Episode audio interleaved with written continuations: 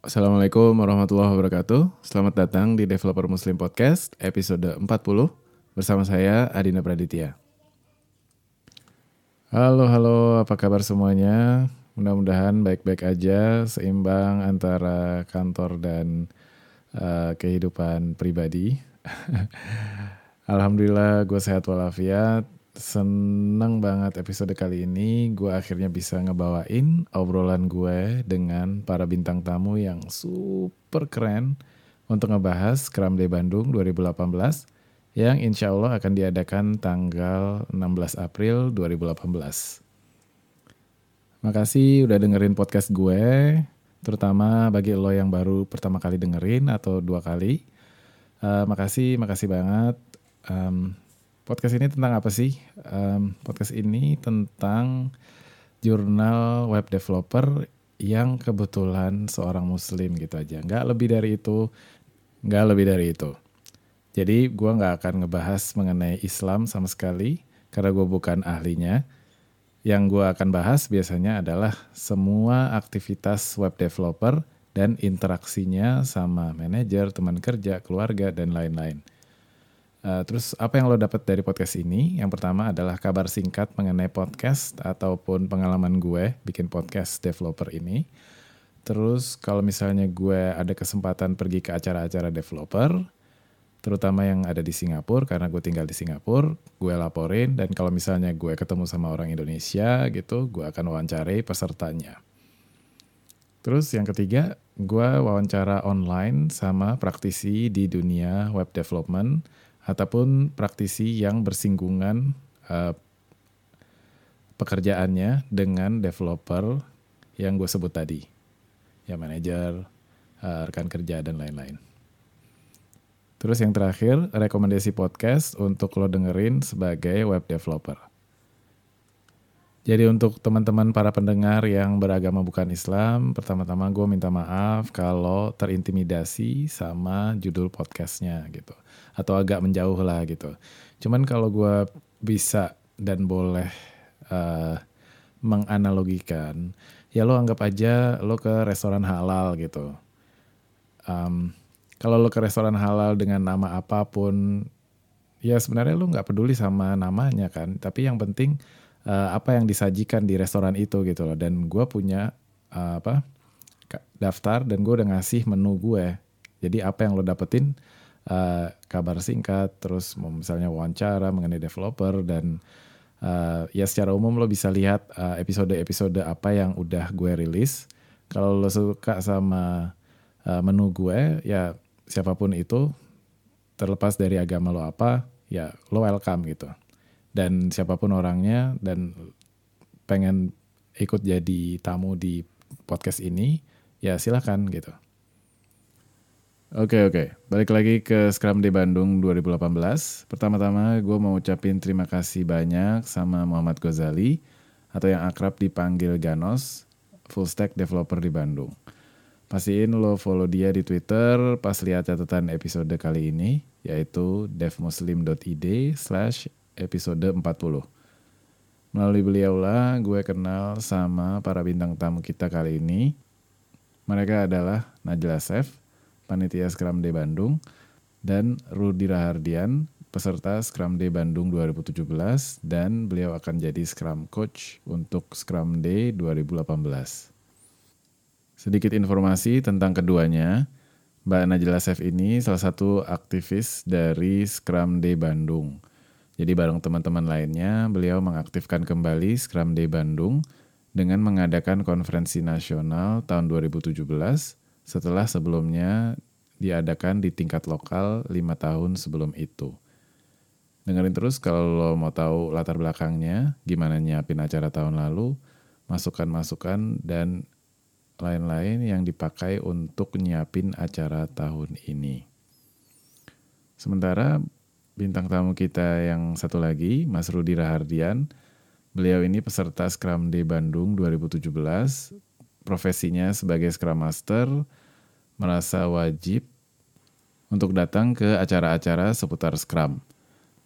Nah, uniknya tahun lalu itu pas banget beliau baru beberapa bulan kerja di PT Excel Aksiata di mana mereka akan serius banget untuk pakai Scrum yang bagus dan proper gitu.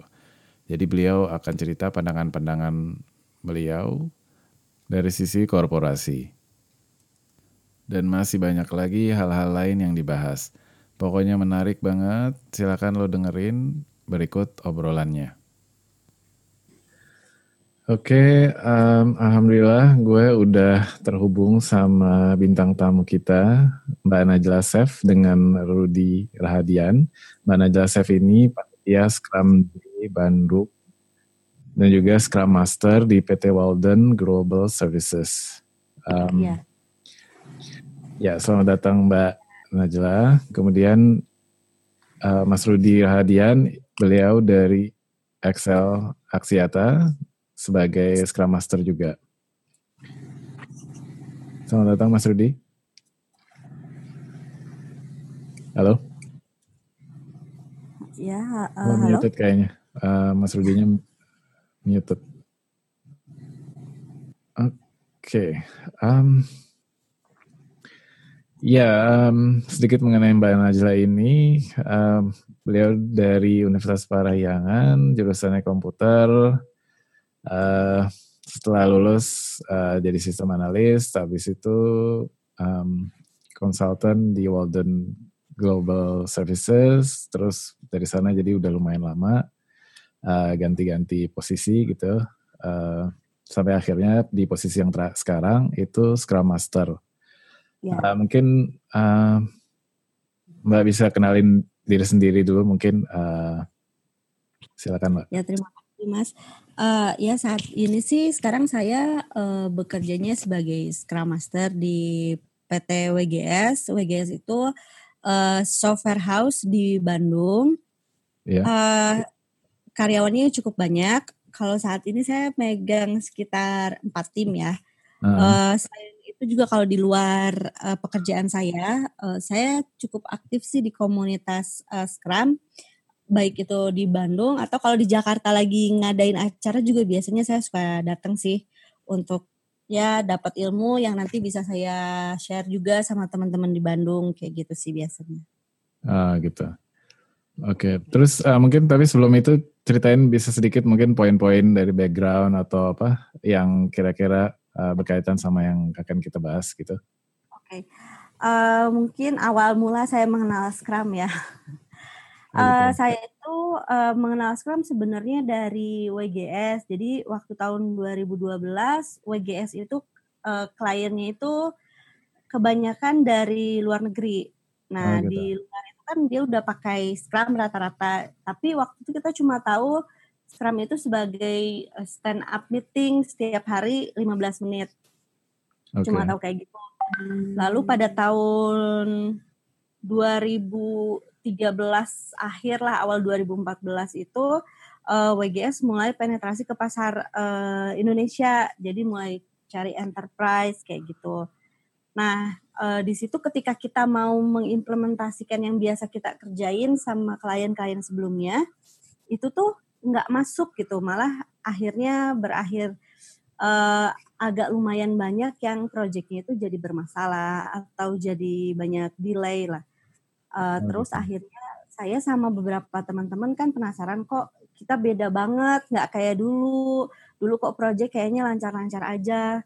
Uh, terus juga jarang banget lembur, kok sekarang jadi sering banget lembur gitu. Akhirnya kita cari-cari, uh, ketemu nih sama beberapa uh, teman dari company IT lain juga Nah, barulah kita di situ uh, benar-benar belajar Scrum dengan benar walaupun kita nggak belum ambil pelatihan waktu itu. Kita waktu itu menghubungi Joshua Partogi untuk oh, okay.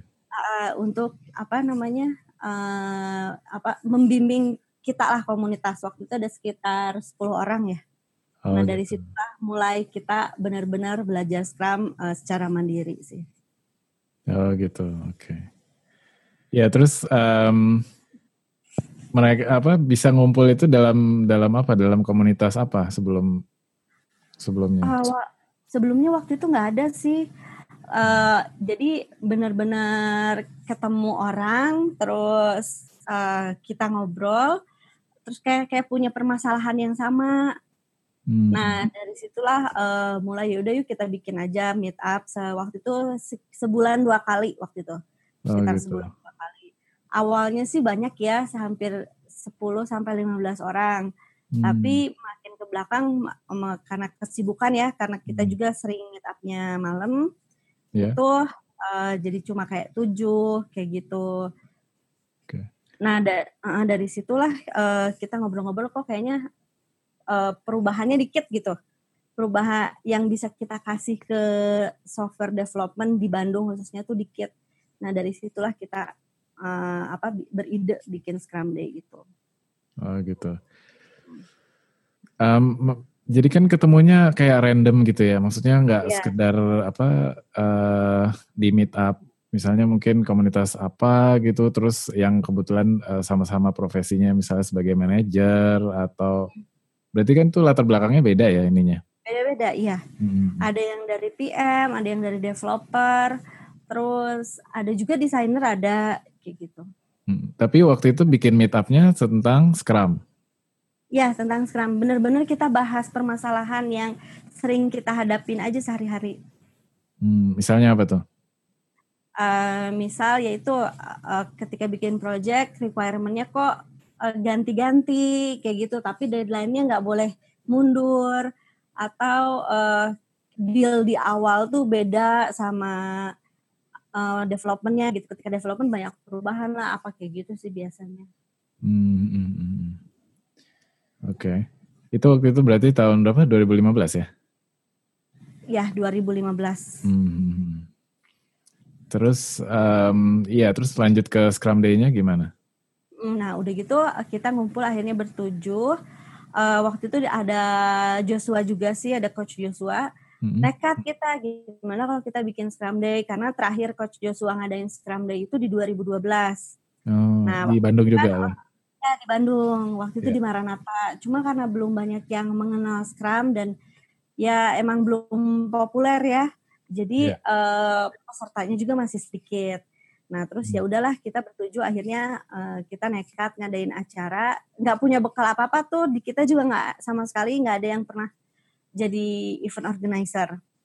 okay. uh, eh, modal juga nggak ada. Uh, tapi ya alhamdulillah ya uh, waktu itu uh, kita cari hotel, terus nentuin tanggalnya. Nah, hmm. waktu cari hotel juga kita udah publish, ternyata tiba-tiba hotelnya cancel.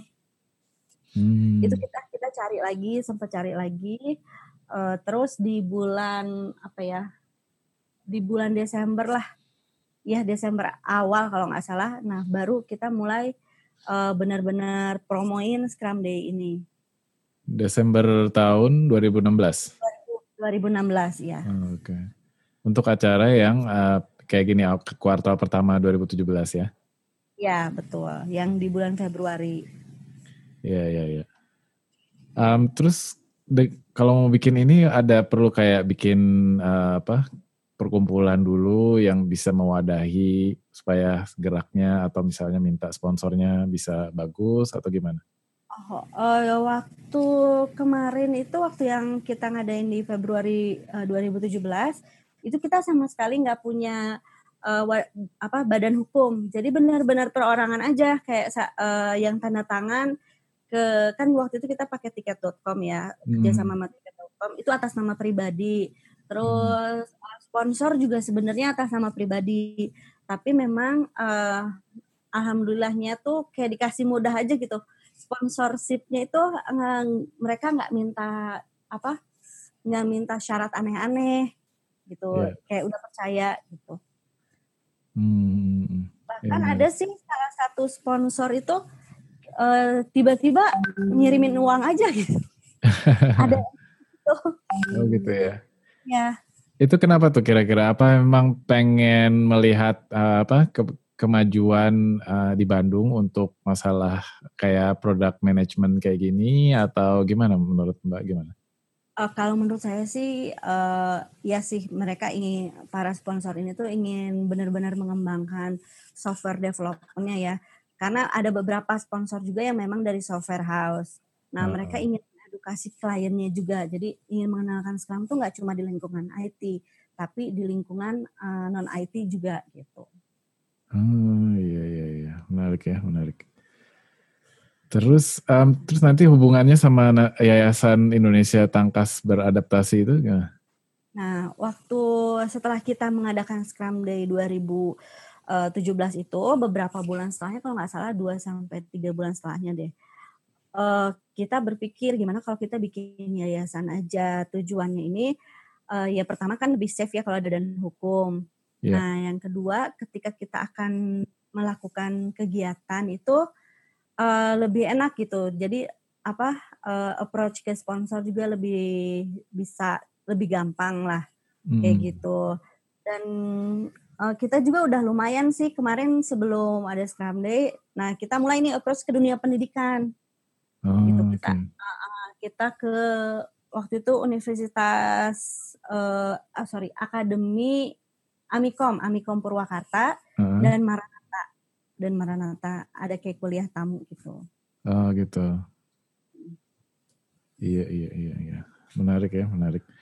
Um, terus nyari materinya waktu tahun lalu tuh gimana sama apa poin-poin uh, dan tujuannya untuk tahun lalu tuh apa yang mau dicapai? kalau tahun lalu uh, itu mengenalkan benar-benar mengenalkan Scrum itu membawa uh, software profi profesionalisme gitu. Hmm. Nah waktu itu uh, Coach Jos itu bantu juga untuk kita approach speakernya. Kalau tahun kemarin kan speakernya banyaknya dari corporate.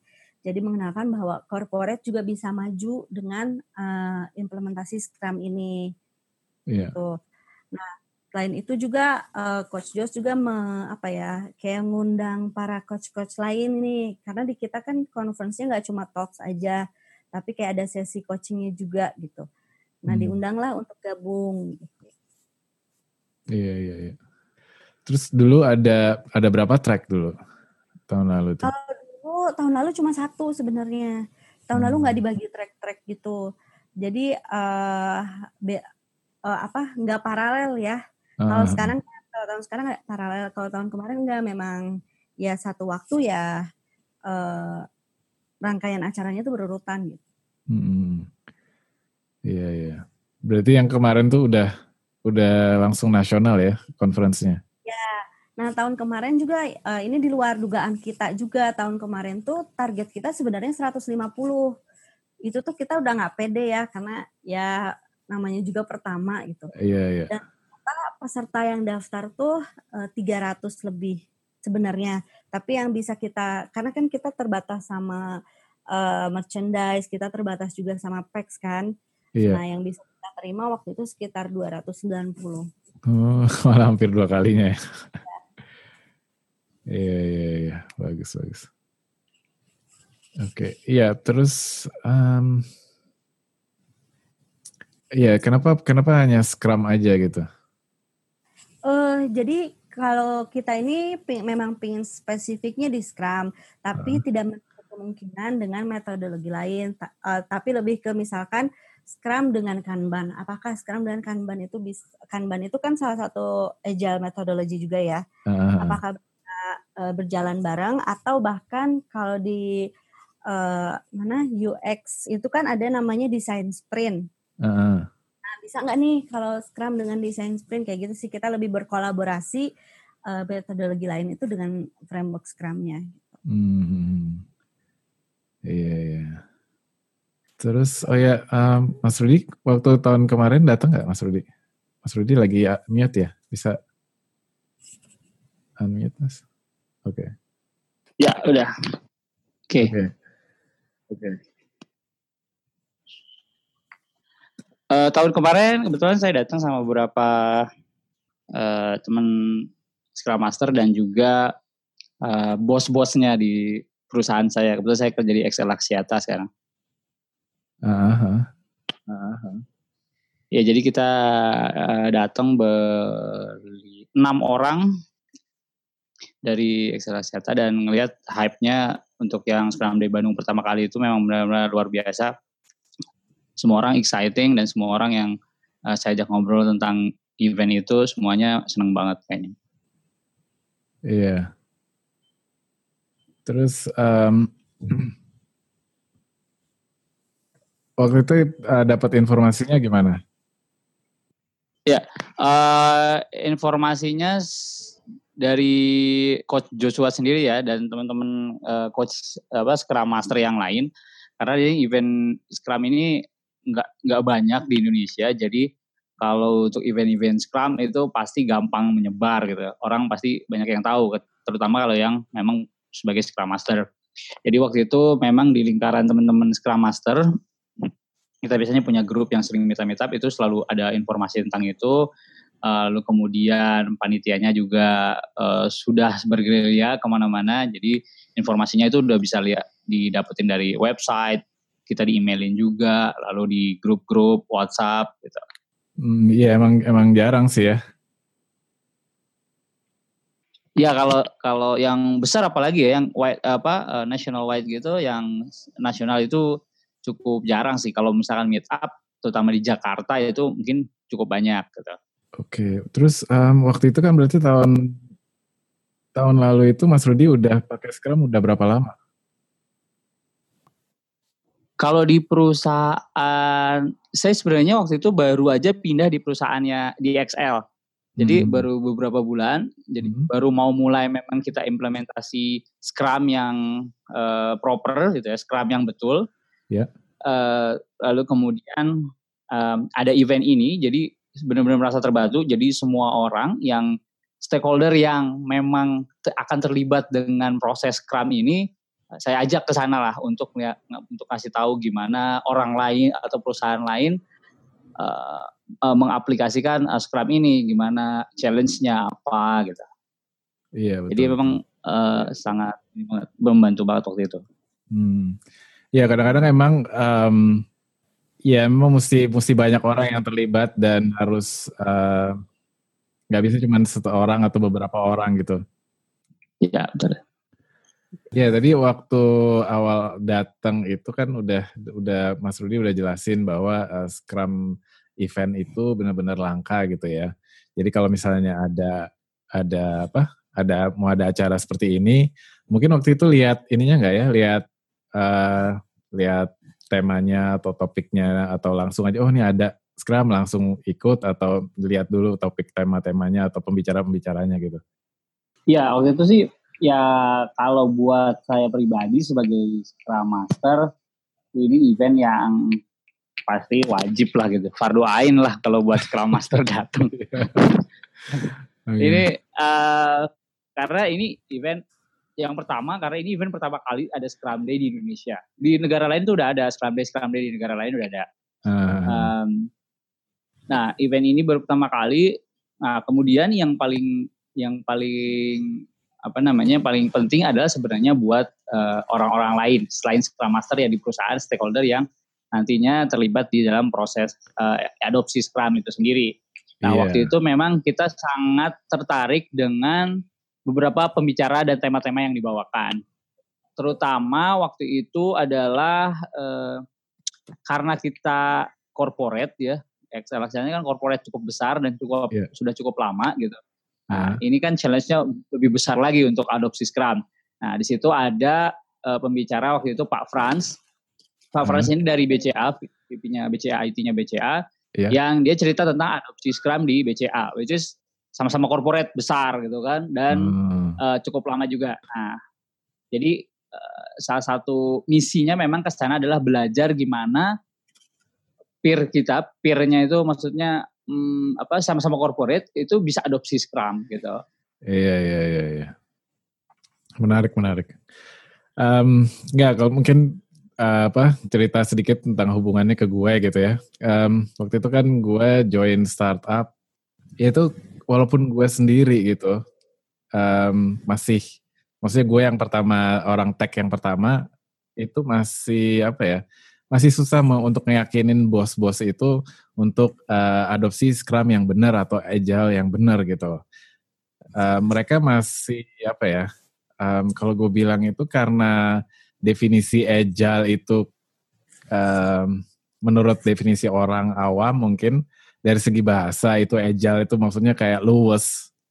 Jadi jadi uh, hmm. ketika gue pengen masuk untuk ini harusnya yang kayak gini, yang benar tuh kayak gini gitu. Jadi itu lebih hmm. lebih susah gitu. Dan ya emang intinya uh, apa ya? Memang perlu uh, perlu banyak orang yang terlibat untuk supaya uh, sistem Scrum atau Agile ini diterapin ke perusahaan gitu. Dan gue juga uh, apa dapat dapat info dari kakak gue, kakak gue juga apa product manager gitu. Dan waktu itu mungkin sekitar awal 2014-an gitulah, beliau itu baru dapat apa uh, training, tapi itu semua kantor gitu dan itu benar-benar gerasa banget ininya apa manfaatnya dan apa semua orang tuh ngerti uh, apa value-nya gitu. Dan ya semuanya itulah gitu. Jadi jadi akhirnya uh, apa bekerja baik di kantor dia dan uh, dia nyaranin untuk untuk kayak gitu untuk uh, apa sekaligus gitu bareng-bareng. Jadi nggak uh, apa nggak terhambat nanti prosesnya apa mereka menjalankan sesuai dengan peran masing-masing developer sebagai developer ya kan product manager sebagai ini dan apa yang bisnis ininya juga uh, nggak apa nggak di tengah jalan tuh minta fitur ini gitu misalnya. Sementara udah uh, stack fiturnya itu udah udah jelas tadinya ya gitulah tanpa tanpa ada validasi gitu. Ya gitu sih hmm. intinya Um, ya, itu menarik banget, menarik banget. Ya, memang ya. butuh uh, apa pemahamannya tuh dari hulu ke hilir gitu untuk pemahaman yang sama. Uh, walaupun nanti misalkan sama sama-sama udah ngerti Scrum, tapi pemahamannya berbeda juga itu tantangan juga sih sebenarnya. Betul, betul. Iya, iya. Nah, memang ini apa kalau mau ngomongin Scrum ini uh, kayak ngomongin ini pemahaman baru kan. Jadi sebenarnya kalau gue bilang sih kalau mau belajar Scrum itu bukan sebenarnya it's not uh, it's not uh, learn a new thing gitu loh. Itu bukan bukan bukan masalah lu belajar sesuatu yang baru tapi lebih sulitnya adalah melepaskan mindset yang lama ketimbang belajar sesuatu yang baru. Karena ini iya. benar-benar beda banget mindsetnya.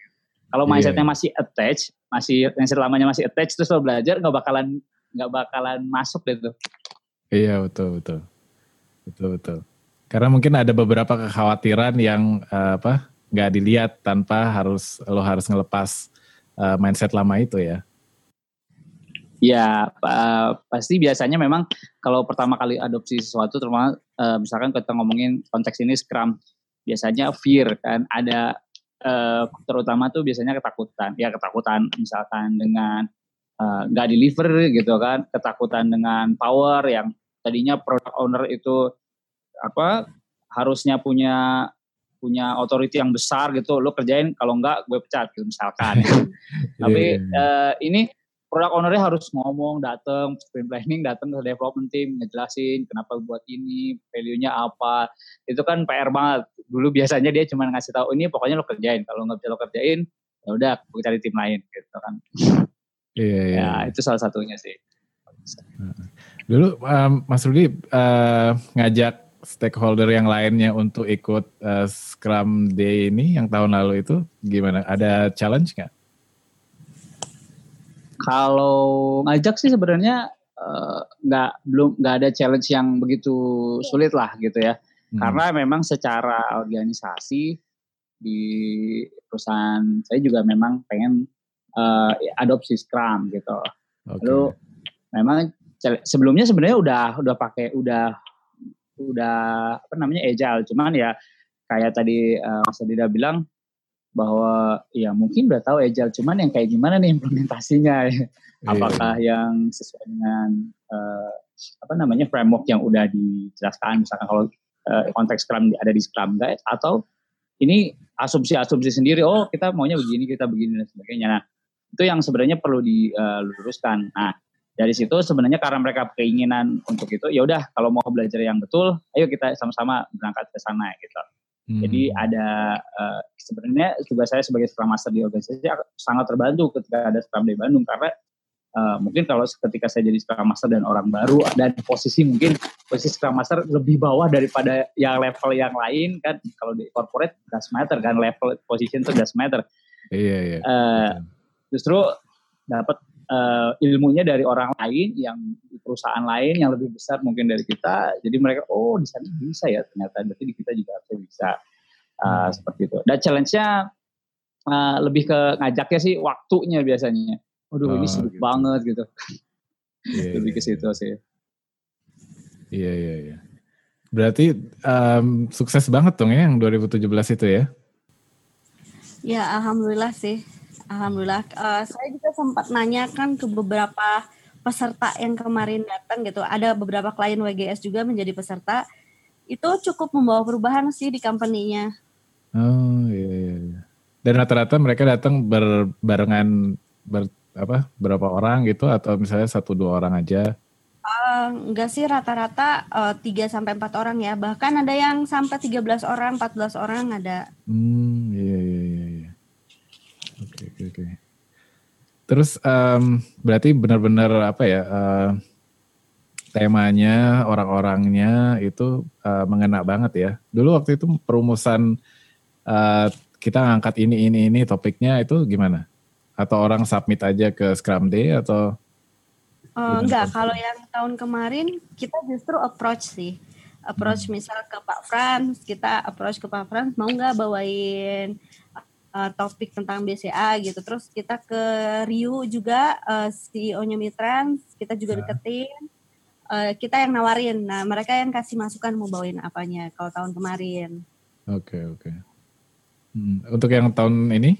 Kalau yang tahun ini, uh, orang submit ke kita Uh, dan hmm. itu juga ada komitenya. Jadi yang milih uh, siapa yang dinilai bagusnya itu bukan dari panitia.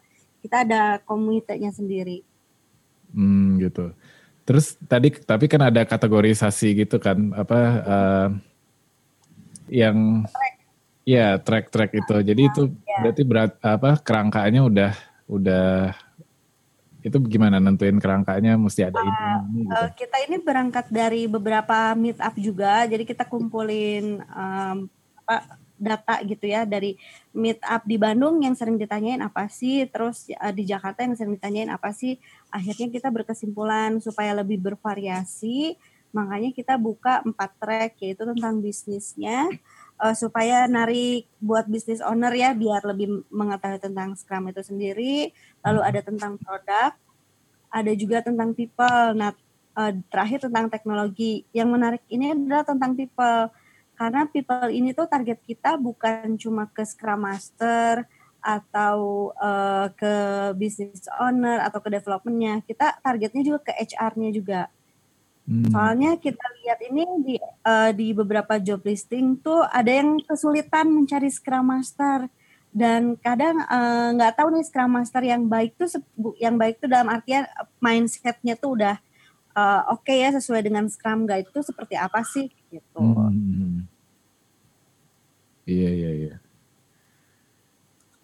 Terus ada top ada apa talk atau presentasi yang berupa undangan nggak? kayak tahun lalu gitu? Kalau ada sih tahun sekarang ini uh, kita masih approach ini ke Bluebird, hmm. uh, uh, satu lagi ke Gojek. Hmm. Uh, masih dalam proses dua itu. Oh gitu. Terus maksudnya tapi temanya apa yang mau dicari? Uh, kalau yang Bluebird ini uh, memang masih Scrum di corporate ya. Jadi oh. kan uh, Gojek, ah sorry, Bluebird ini kan corporate yang udah lama juga dan dia uh, tiba-tiba memutuskan untuk uh, implementasi Scrum gitu karena melihat bisnis mereka kalau pakai yang konvensional ini udah susah berkembangnya. Nah ini sih yang mau dibawain sama Bluebird. Hmm. Tapi yang ngebedain sama BCA waktu itu apa? Maksudnya kan sama-sama corporate nah, gitu. Ya sebenarnya sih dari tipe bisnisnya aja sih. Kalau BCA kan di bank ya. Yeah, kita yeah. juga mau kasih lihat gitu ke uh, umum bahwa Scrum tuh nggak cuma buat di startup kok corporate juga udah banyak yang beralih ke Scrum. Gitu. Iya iya. Oke. Okay. Uh, terus juga ini ada yang dari yang apa case tadi di pemerintah gitu. Uh, mm. sedikit mungkin apa udah ada yang akan presentasi belum? Ada, oke. Okay. Sebenarnya tahun kemarin itu yang cukup, kita cukup kaget adalah dari pemerintah ini uh, ada yang datang, yaitu dari Dirjen Pajak. Um. Uh, kita nggak nyangka pemerintah tuh mem, uh, menggunakan Scrum gitu. Nah, hmm. setelah kita ngobrol sama uh, PIC-nya waktu itu, mereka yeah. cerita bahwa mereka udah menggunakan Scrum sekitar 1 sampai 2 tahun lah. Dan hmm. ini uh, memang uh, apa? Dia, uh, government pertama lah yang memakai Scrum. Hmm. Nah, mereka berharap sih kementerian-kementerian lain juga ikut gitu, ikut mengimplementasikan Scrum. Yeah. Uh, tahun ini ma, apa orang dari pajak ini akan bicara hmm. untuk menceritakan gimana bisa nggak sih Scrum ini align sama pemerintahan gitu sih lebih kayak gitu. Iya iya iya iya iya seru ya. Hmm. Iya iya. Terus um, feedback yang dibawa dari tahun lalu ke sekarang nanti ini tahun ini apa? Kalau tahun lalu tuh sebenarnya lebih banyak feedbacknya uh, kan kita ada namanya open space ya jadi benar-benar kayak ruangan kecil dan mereka tuh bisa tanya apa aja gitu. Tapi memang udah ditemakan. Nah, tahun lalu banyak yang bilang uh, apa sesi itu tuh kurang. Hmm. Makanya kalau tahun kemarin kita cuma buka sekitar 9 ya, 9 apa? Ya 9. Tahun ini kita rencana mau buka 16. Hmm, iya iya iya. Sama hari sih, banyaknya yang minta di hari Senin. Oh, gitu. Tahun kemarin Selasa ya. Oh iya iya. Jadi semuanya tuh langsung di hari yang sama gitu? Ya, semuanya langsung di hari yang sama. Hmm. Nanti peserta bisa milih sih. Kita juga rencananya nanti di webnya akan ada uh, kayak guide kalau misalkan dia posisinya misal sebagai product manager, kira-kira materi apa aja yang bagusnya dia ikutin kayak gitu. Oh gitu. Iya iya.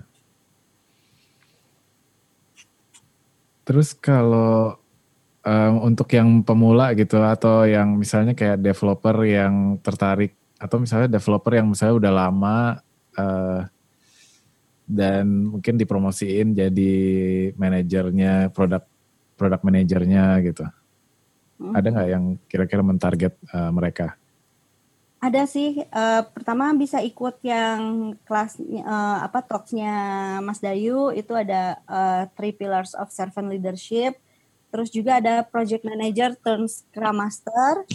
Uh, lalu ada juga kan kita sebenarnya selain yang materi talks, kita ada namanya coaches clinic. Nah, di situ nanti peserta bisa nanya bebas sih uh, kayak konsultasi one on one gitu. Nah, hmm. itu juga bisa bisa ikut di situ. Iya, iya. iya. Oke. Okay. Um, balik lagi ke Mas Rudi. Mas Rudi ini kan jadi coach di Scrum Day ini dari kapan, Mas? Oh ya, kalau di Scrum Day tahun ini saya baru mulai jadi Scrum Coach-nya. Oh gitu. Dan emang baru tahun ini kan ada sistem coach itu ya, Mbak?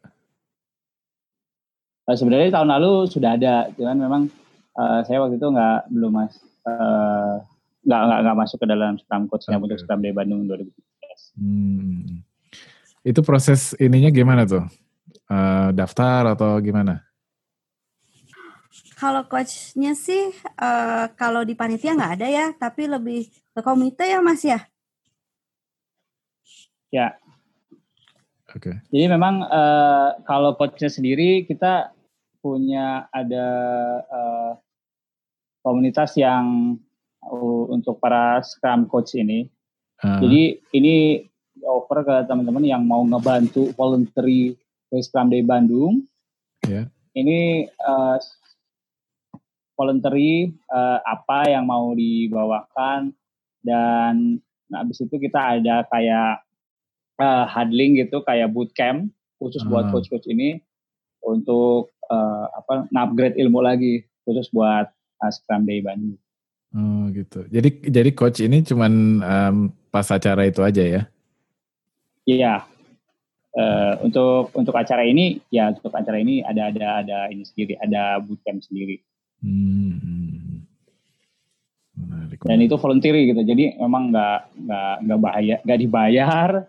Dan yeah, yeah. kita memang murni pengen banget di di apa namanya di komunitas uh, Scrum Coaches ini pengen banget apa memperbaiki iklim software development di Indonesia sih, jadi lebih baik. Iya iya iya, bagus banget tuh bagus. Iya, terus uh, it, jadi volunteer, terus nggak ada nggak ada kayak seleksi atau apa gitu, atau apa yang dilihat gitu misalnya? Seleksi enggak sih, memang uh, rata-rata juga udah PSM train. Uh, memang sebaiknya sih coachnya udah PSM train, jadi supaya pemahaman Scrum guide-nya juga uh, sama gitu sih, cuma gitu aja sih kita. Hmm, hmm. Uh, tadi PSM train itu apa maksudnya? Uh, Professional Scrum Master Training. Ah, oke oke, iya iya. Jadi intinya salah satu itu tadi uh, biasanya screening awalnya memang paling paling enggak sudah pernah ikut training Scrum, uh, professional Scrum training. Uh. Lalu yang kedua punya pemahaman Scrum yang betul. Nah ini juga penting.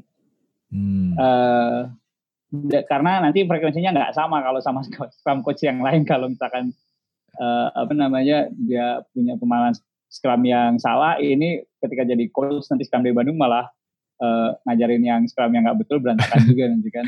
Betul, betul Yang kedua ya itu mau mau berkontribusi ke komunitas. Artinya ini kalau dalam konteks event ini adalah Best Scrum Day Bandung. Hmm, iya iya iya. Terus um, tahun lalu itu ada videonya nggak ya? Tahun lalu ada ada oh. videonya bisa dilihat di website kita sih di scrumdaybandung.com. Oh gitu. Itu uh, berapa sesi aja atau semuanya atau gimana? Enggak uh, memang after event sih, cuma after event aja. Oh gitu, oke okay, oke. Okay. Kalau video yang persesinya uh, kayaknya belum diupload ya. Hmm, hmm, hmm. Uh, belum, memang belum kita upload ke YouTube sih. Oh gitu, tapi nanti akan gitu. Ya nanti akan. Oh, oke. Okay. Dan untuk uh, apa? Untuk yang tahun ini persiapannya ada nggak yang yang berbeda gitu? Kalau persiapan yang berbeda sih uh, secara khusus nggak ada sih. Kita cuma uh, mungkin dari sisi dokumentasi aja. Tapi kalau yang lainnya mah sama. Oh gitu. Ya ya jadi tapi ada fokus untuk tahun ini fokus uh, targetnya itu peserta segmennya yang mau ditarget kira-kira apa aja? Uh, kalau tahun ini hampir semua segmen sih, mulai dari developer, terus uh, middle managers, business owner, C-level, uh, sampai ke HR kita mau target. Nah yang baru ini adalah HR. Itu oh. kan uh, non IT ya. Iya, iya, iya. Terus blognya kayak baru ya, blog. Oh ya, blog di uh, Scrum Day Bandung ini memang baru. Karena tahun kemarin ini uh, kita nggak ada blog, jadi uh, website juga masih ala kadarnya. Nah tahun inilah baru kita perbaiki rencananya sih kita bakal sering setidaknya uh, sebulan dua sampai tiga kali akan ada apa namanya akan ada artikel yang akan kita upload gitu dan yeah. Iya. artikelnya juga nggak cuma panitia sih yang buat coach juga bisa buat gitu. Hmm. Oke terus ada ada pertanyaan lain yang mungkin belum gue sentuh gitu atau penting? Mungkin ini ya uh, fungsi dari Scrum dari Bandung uh, tahun ini yeah. kalau ya target kita sih pinginnya tahun ini tuh lebih membawa perubahan lagi ke uh, mana ke uh, dunia IT sih khususnya yeah. target kita ini merubah bagaimana sih cara pemimpin itu memimpin uh, timnya atau memimpin company-nya dengan menjadi servant leadership. Lalu kita yeah. juga ingin merubah bagaimana caranya orang tuh berkolaborasi karena kan selama ini uh, kalau di Indonesia khususnya software development ini kolaborasinya hanya per fase aja, nggak sepanjang masa development gitu. Dan Maksudnya yang gimana tuh? Uh, jadi misalnya per fase ya kalau uh, fase desain ya udah antar desainer dan klien gitu. Nanti ketika perpindahan ke fase developer ya desainer kolaborasinya dengan developer tanpa klien seperti itu kan biasanya. Oh, iya iya iya, iya betul. Kita ingin merubah itu sih. Dan yang terpenting ini yang terakhir adalah uh, kita ingin membuka uh, wawasan kepada halayak umum bahwa Scrum dan servant leadership ini ini sangat amat membantu untuk menghadapi tantangan bisnis ya di uh, masa sekarang apalagi kan tren market saat ini kan kita tahu naik turunnya itu cepat gitu. Betul betul betul. Nah, ini tuh salah bisa membantu untuk menghadapi ini adalah dengan Scrum dan uh, menjadi uh, servant leadership gitu sih. Iya, iya. Iya, itu juga apa uh, benerin kalau misalnya salah ya. Itu juga mungkin bisa jadi apa ya menggerakkan perusahaan. Apakah perusahaan itu perlu diversifikasi dengan adanya teknologi gitu. Kadang-kadang kan karena uh, kayak Swatch atau perusahaan-perusahaan jam itu kan nggak akan nyangka kalau misalnya akan harus berhadapan sama Apple gitu. Iya betul. Oh gitu, oke okay, ya. Atau kita ambil contoh lah uh, Yahoo gitu ya yang sebegitu besarnya uh, tiba-tiba bisa kolaps gitu iya, atau iya, uh, BBM yang hanya cuma berapa tahun gitu sih. Jadi iya, kita Uh, ingin sih membantu para company-company itu untuk lebih bisa beradaptasi dengan tantangan-tantangan seperti itu. Iya betul betul betul betul. Iya bagus banget sih bagus banget. Terus um, ini apa pertanyaan tambahan mungkin secara pribadi gitu ya. Karena uh, aku dengerin podcast beberapa kali yang uh, temanya ini mengenai apa? Ya tema, mengenai agile ini gitu. Um, kalau ini pertanyaannya untuk masing-masing gitu ya. Um, nerapin ini nggak nerapin Scrum untuk uh, kayak kehidupan pribadi gitu nggak atau keluarga gitu? Um, mas kalau Mas Rudi dulu. Oke. Ya ngajalan dulu boleh. kalau saya kebetulan saya iya, saya menerapkan Scrum untuk kehidupan pribadi saya. Uh. Gitu. Uh, karena kan saya bekerja ya, dan saya juga sering ke luar kota. Jadi saya menerapkan Scrum ini untuk berkolaborasi dengan uh, sekolahnya anak saya. Ah uh, gitu. Ya. Kalau di Scrum kan ada namanya daily Scrum ya. Nah ini tiap hari saya uh, ya entah itu WA atau telepon gurunya. Nanti tiap uh, dua minggu sekali saya tanya gimana nih perkembangannya Pak apa di dua minggu ke belakang kayak gitu sih. Jadi lebih hmm. sering Iya iya iya iya. Menarik menarik menarik. Ya, yang yang aku dengar itu um, kayak dia punya uh, kayak board sendiri gitu. Jadi mm. dia punya task macam-macam, terus dia kasih uh, apa um, tingkat kesulitannya dan lain-lain lah gitu. Jadi dan dia ngukur dengan apa? Dia ngukur kayak velocity-nya gitu. Jadi kalau misalnya dia mau ngerjain apa side project ataupun maksudnya side projectnya nggak hanya uh, maksudnya project yang beneran tapi juga sekedar iseng mungkin uh, apa bikin layangan atau bikin apa gitu. Jadi dia bisa ngukur gitu uh, apa oh dengan velocity segini gue masih ada gue bisa ngerjain proyek ini atau ngerjain uh, apa IoT misalnya. Kayak gitu sih iya. Oh iya menarik menarik. Kalau Mas Rudi gimana Mas? Iya, kalau saya sendiri sebenarnya uh, menerapkan Scrum tapi bukan secara uh, full Scrum ya, maksudnya framework misalkan ada daily Scrum setiap hari, ada sprint review dan nggak sampai uh, segitunya sih. Tapi memang mindset mindset Scrum ini yang uh, sangat berpengaruh dengan dalam kehidupan saya setelah saya kenal dengan Scrum lah uh, hampir tiga tahun tiga tahun lah tiga tahun ini uh, jadi mindset iterasi mindset validasi mindset yang uh, apa namanya mindset mindset mindset yang di Scrum harus ada inspect dan ada transparansi itu yang yang akhirnya di yang saya pakai di, di kehidupan saya di banyak konteks gitu. hmm. kan mau mulai oh gua mau mulai biasanya kan banyak nih kalau misalkan ah, awal tahun saya mau mulai hidup sehat misalkan gitu. Nah itu tuh bisa banget tuh di mindset inspect dan adapt, inspect dan adapt. Karena kita kan biasanya anggot-anggotan di awal gitu. Karena yeah. biasanya berubahnya langsung. Nah kita tuh uh, kita kan biasa di di ini, ini apa di apa namanya kalau ngomongin aja tuh eh kita buat MVP dulu nih nah, minimum viable produknya nah ini juga kayak gitu coba oke okay, kalau mau hidup sehat oh MVP-nya apa nih oh sebulan depan MVP-nya turun 2 kilo misalnya Iya, iya. Nah, gitu gitu lah. banget yang saya dipakai secara secara mindset ya, secara konsep. Iya, iya, menarik, menarik. Menarik, menarik. Iya deh. Um, ya mungkin biasanya gue nanya karena udah mau apa, udah lumayan lama. Uh, uh, biasanya gue nanyain ini ke beberapa tamu, yaitu misalnya mungkin untuk uh, Mas Rudi dulu, proyek atau teori Scrum atau Agile yang lagi ditelusuri gitu, atau lagi dikerjain apa? Kalau di perusahaan sih sekarang lagi ini tahun masuk tahun kedua ya. Iya. Yeah. Jadi uh, kemarin kita sudah mulai dengan awareness dan awareness tentang Scrum-nya di full organization. Terus implement coba implementasi Scrum di beberapa tim yang core-nya bukan uh, web development atau mobile development. Jadi ini tim-tim ini banyak kan di software architect, jadi uh, di SOA gitu. Nah, ini yeah. cukup berhasil dengan uh, buat bonding timnya.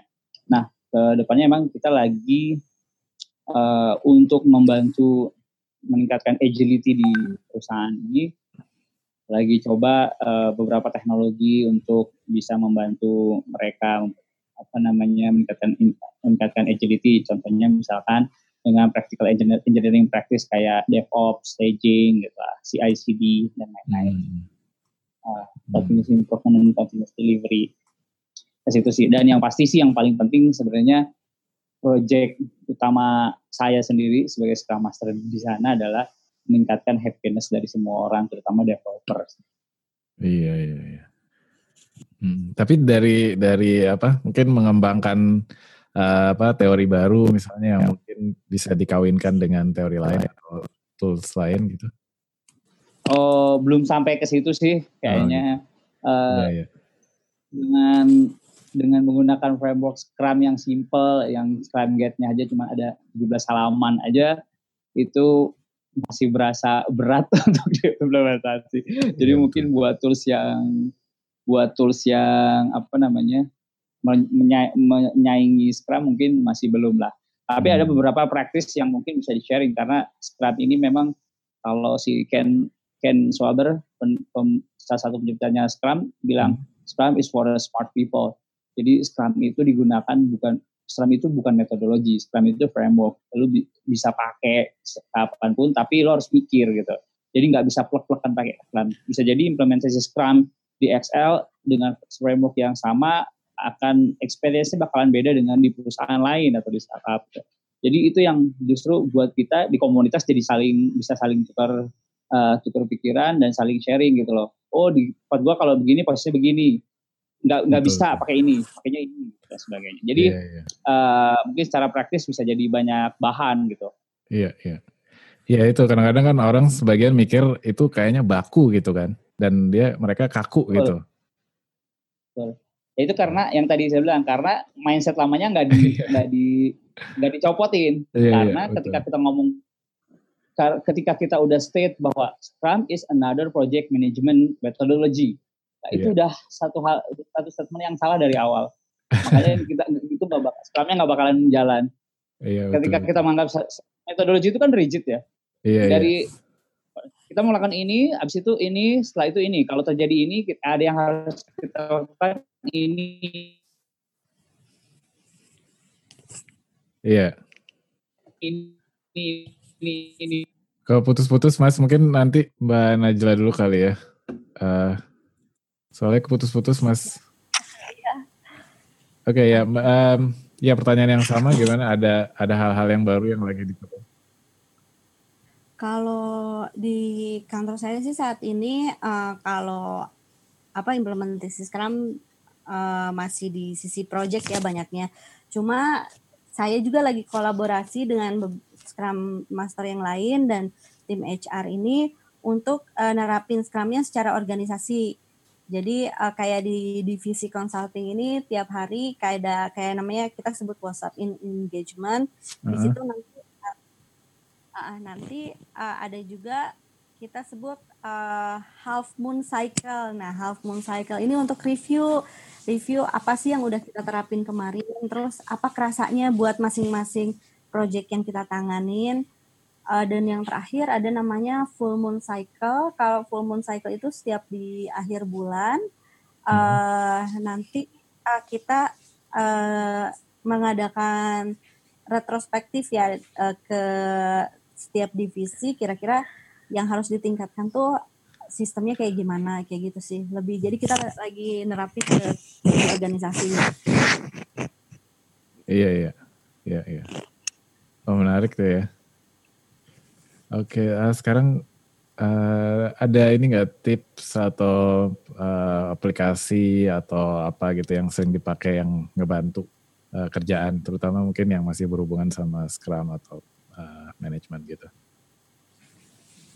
Kalau yang ngebantu sih saya banyak ikut uh, di grup apa grup WhatsAppnya Scrum, terus uh, ikut meet up meet up itu ngebantu banget sih. Karena kalau kita belajar mandiri tanpa sharing itu beda sih yang didapetinnya gitu. Karena kan ya kalau belajar sendiri kita cuma fokus sama masalah kita sendiri gitu. Kita iya, susah betul. untuk mendapatkan insight dari Scrum Master lain jadi yeah. kalau yang baru mau implementasi Scrum, ya saran saya banyaklah ikut-ikut uh, meet up meet up gitu. Oke, okay. uh, eh, kalau Mas Rudy gimana? Mas?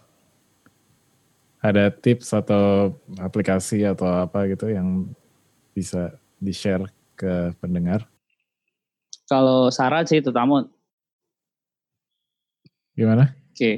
Ya, saran yang, yang pertama belajar Scrum dari source yang bisa dipercaya. Betul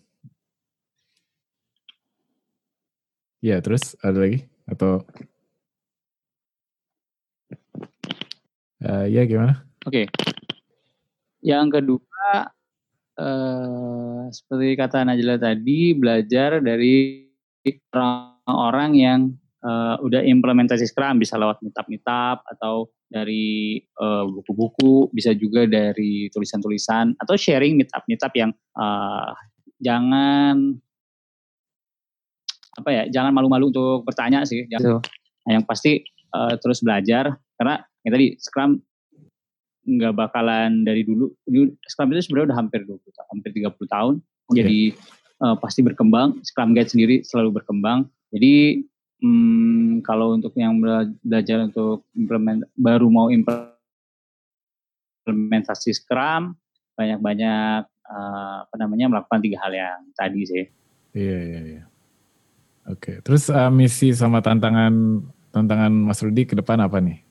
Kalau saya sendiri di teman dan teman-teman di Scrum Master, Scrum Coach itu punya misi yaitu merubah iklim software development jadi uh, lebih baik gitu. So sebenarnya intinya kalau saya kalau saya mau bilang ditanya tentang apa sih itu Scrum dalam terjemahan bebas saya versi saya, ya. Scrum yeah. itu adalah salah satu framework uh, uh, untuk membuat produk bikin bisnis happy dan developer juga happy. Nah itu sebenarnya yang yang goal paling paling utama saya adalah the happiness itu sih. Iya iya iya. Happiness buat happiness buat bisnis dan juga buat developer gitu. Iya yeah, iya. Yeah. Kalau Mbak Najla apa? Uh, kalau misi sih ya sama ya sama Mas Rudi gitu untuk uh, membuat software ekosistem software development di Indonesia ini menjadi lebih baik gitu. Uh, dan developer ini uh, nanti mengerjakan pekerjaannya itu lebih happy tanpa tekanan dan juga uh, bisnis juga bisa lebih berkembang. Tapi selain itu juga saya ada uh, sedikit nih uh, pinginnya sih ke depannya kita merambah juga ke dunia pendidikan. Jadi supaya nanti tuh uh, uh, apa dari bangku kuliah juga uh, mahasiswa-mahasiswanya udah mengenal apa itu Scrum gitu. Betul betul. Iya iya. Iya. Terus ada ini aktivitas dalam waktu dekat yang lagi dikerjain? Ya, maksudnya selain Scrum Day tentunya ya. Kalau saya sih nggak ada ya, memang lagi fokus di Scrum Day aja. Oke. Okay. Uh, Mas Rudi gimana Mas? Belum ada, tapi kita biasanya akan ada kita rencana mau ada meet up di bulan akhir bulan ini atau hmm. uh, di halo Iya ya. Uh, saat ini belum ada sih, tapi kita biasanya dipantauin aja di di Facebooknya uh, komunitas Scrum. Jadi kita punya uh, network di beberapa kota. Yang pertama itu di Jakarta, lalu di Bandung sudah ada, di Malang juga sudah kita aktif untuk mengadakan uh, meetup-meetup itu. Jadi uh, join aja di Facebooknya komunitas Scrum Indonesia. Nanti di situ okay. pasti ada semua info-infonya. Oke. Okay, gitu. okay. Nanti linknya bisa itu ya. Oh iya. Okay. Siap siap siap. Oke, okay, um, iya mungkin sekarang uh, pesan pesan-pesan buat pendengar itu apa ya? Kalau misalnya gue pribadi sih, um, ya udah datang aja bareng-bareng rombongan ke apa sama teman-teman lo di kantor gitu loh untuk uh, join uh, Scrum Day Bandung gitu karena memang mungkin kadang-kadang um, kita sebagai developer tuh kadang-kadang susah untuk me, apa ya menyampaikan apa unek-unek kita atau misalnya hal-hal yang menghambat uh, proses development misalnya tapi dengan adanya Scrum Day ini jadi ya mungkin masih lebih apa bisa terbuka dan uh, kita sama-sama ngerti dalam dalam apa pemahaman yang sama gitu. Jadi uh, ke depannya bisa saat development itu jadi lebih lebih apa lebih gampang gitu. Kalau Mbak Najwa ya. apa misalnya? Ya sih, uh, dat ya diharapkan sih datang ya ke Scrum Day. Jadi kita nanti harapannya nanti dapat insight baru tentang Scrumnya itu sendiri dan terutama penerapannya itu dengan di untuk apa uh, teknologi yang cepat berkembang dan bisnis yang cepat berkembang tuh uh, gimana diharapkan nanti da bisa banyak dapat insight sih dari situ. Oke, okay, ya. Ya, untuk dari Mas Rudi apa kira-kira pesan-pesan terakhirnya, Mas? Pesan terakhir.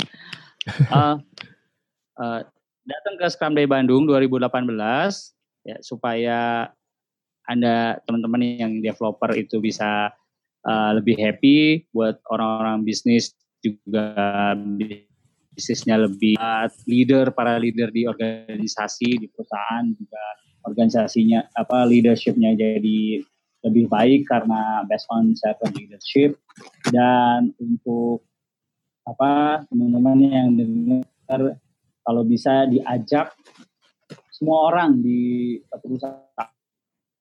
Iya. Iya iya. Di organisasinya untuk datang ke Scrum Day Bandung 2018 karena insight-nya di tahun ini insight di Scrum-nya sendiri bukan untuk developer itu banyak untuk orang-orang lain yang uh, di luar developer jadi memang ketika mau adopsi Scrum kita perlu semua orang mensupport nggak cuma developernya doang. Iya betul betul. Iya betul. Ya mungkin orang HR pun juga mesti datang atau yang lain gitu kan siapa tahu. Karena tracknya juga banyak tapi ya benar-benar sih. Uh, ya exciting exciting. Oke. okay. Iya deh makasih banyak nih Mbak Najla Mas Rudi waktunya udah uh, meluangkan waktu di sini oke itu dia wawancaranya ayo tunggu apa lagi buruan daftar Scrum Day Bandung Ajak teman kantor lo sebanyak mungkin karena semakin banyak yang ikut di kantor lo, semakin baik dan lancar proses adopsi Scrum di kantor. Ataupun kalaupun yang udah adopsi juga Scrumnya akan lebih baik insya Allah gitu ya. Dan lo akan lihat perubahan uh, dalam menjalankan pekerjaan lo atau bisnis lo sehari-hari itu insya Allah akan berasa. Bukan dari pengalaman gue dan kakak gue yang ngomong, tapi para bintang tamu juga udah sepakat di uh, wawancara tadi. Apalagi tahun ini juga akan dibagi menjadi beberapa track. Jadi ada topik untuk semua kalangan dari atas sampai bawah, nggak cuma startup, corporate besar juga ada di situ dari berbagai macam bidang dan jenis bisnis. Sampai ada yang dari pemerintahan, benar-benar jangan lo sia-siain kesempatan ini. Terus kabar terakhir dari Mbak Najla, tiket regulernya turun dari 850 ribu yang tertera di websitenya. Terakhir gue lihat uh, pas rekaman ini. Jadi dari 850 ribu turun jadi 750 ribu. Terus kalau lo beli kolektif atau grup harganya jadi 700 ribu per orang. Jadi seriusan tunggu apa lagi insya Allah investasinya akan lebih besar kalau lo benar-benar memanfaatkan momen ini sebaik-baiknya. Terus juga kabar dari beliau uh, bahwa CTO Gojek Ajay Gore juga udah konfirmasi akan hadir. Oke, itu dia episode kali ini. Mudah-mudahan bermanfaat. Walaupun begitu, gue sadar masih banyak kur yang kurang di sana-sini. Untuk itu gue perlu saran, masukan, dan tanggapan dari lo. Ide-ide juga silahkan kirim ke devmuslimid at gmail.com atau mention gue di Twitter at devmuslimid. Kalau lo suka sama podcast ini, jangan lupa kasih rating yang bagus, kasih komentar yang bagus di Apple Podcast, di Castbox, di TuneIn, di mana pun lo dengerin podcast ini. Catatan dan link-link di episode kali ini akan ada di devmuslim.id slash episode 40. Sebelum pamit, gue mau kasih tahu sebentar. Gue lagi bikin survei untuk pendengar-pendengar gue, developer Muslim Podcast. Tujuannya supaya gue lebih mengenal lo, um, supaya gue tahu segmentasi pendengar gue seperti apa, uh, apa aja yang lo suka dari developer Muslim Podcast ini. Um, ya ke depannya supaya lebih mentargetkan uh, pendengar gue gitu. Jadi nanti episode-episodenya juga lebih uh, spesifik ke pendengar gue dan gue lebih mikirin lo um, apa sih yang kira-kira akan bermanfaat untuk lo gitu uh, sebagai uh, pendengar. Oke okay, itu dia. Um, jadi lo bisa isi surveinya di devmuslim.id slash survey. Ya itu aja. Uh, gue pamit dulu sampai di episode Developer Muslim Podcast berikutnya insya Allah. Assalamualaikum warahmatullahi wabarakatuh.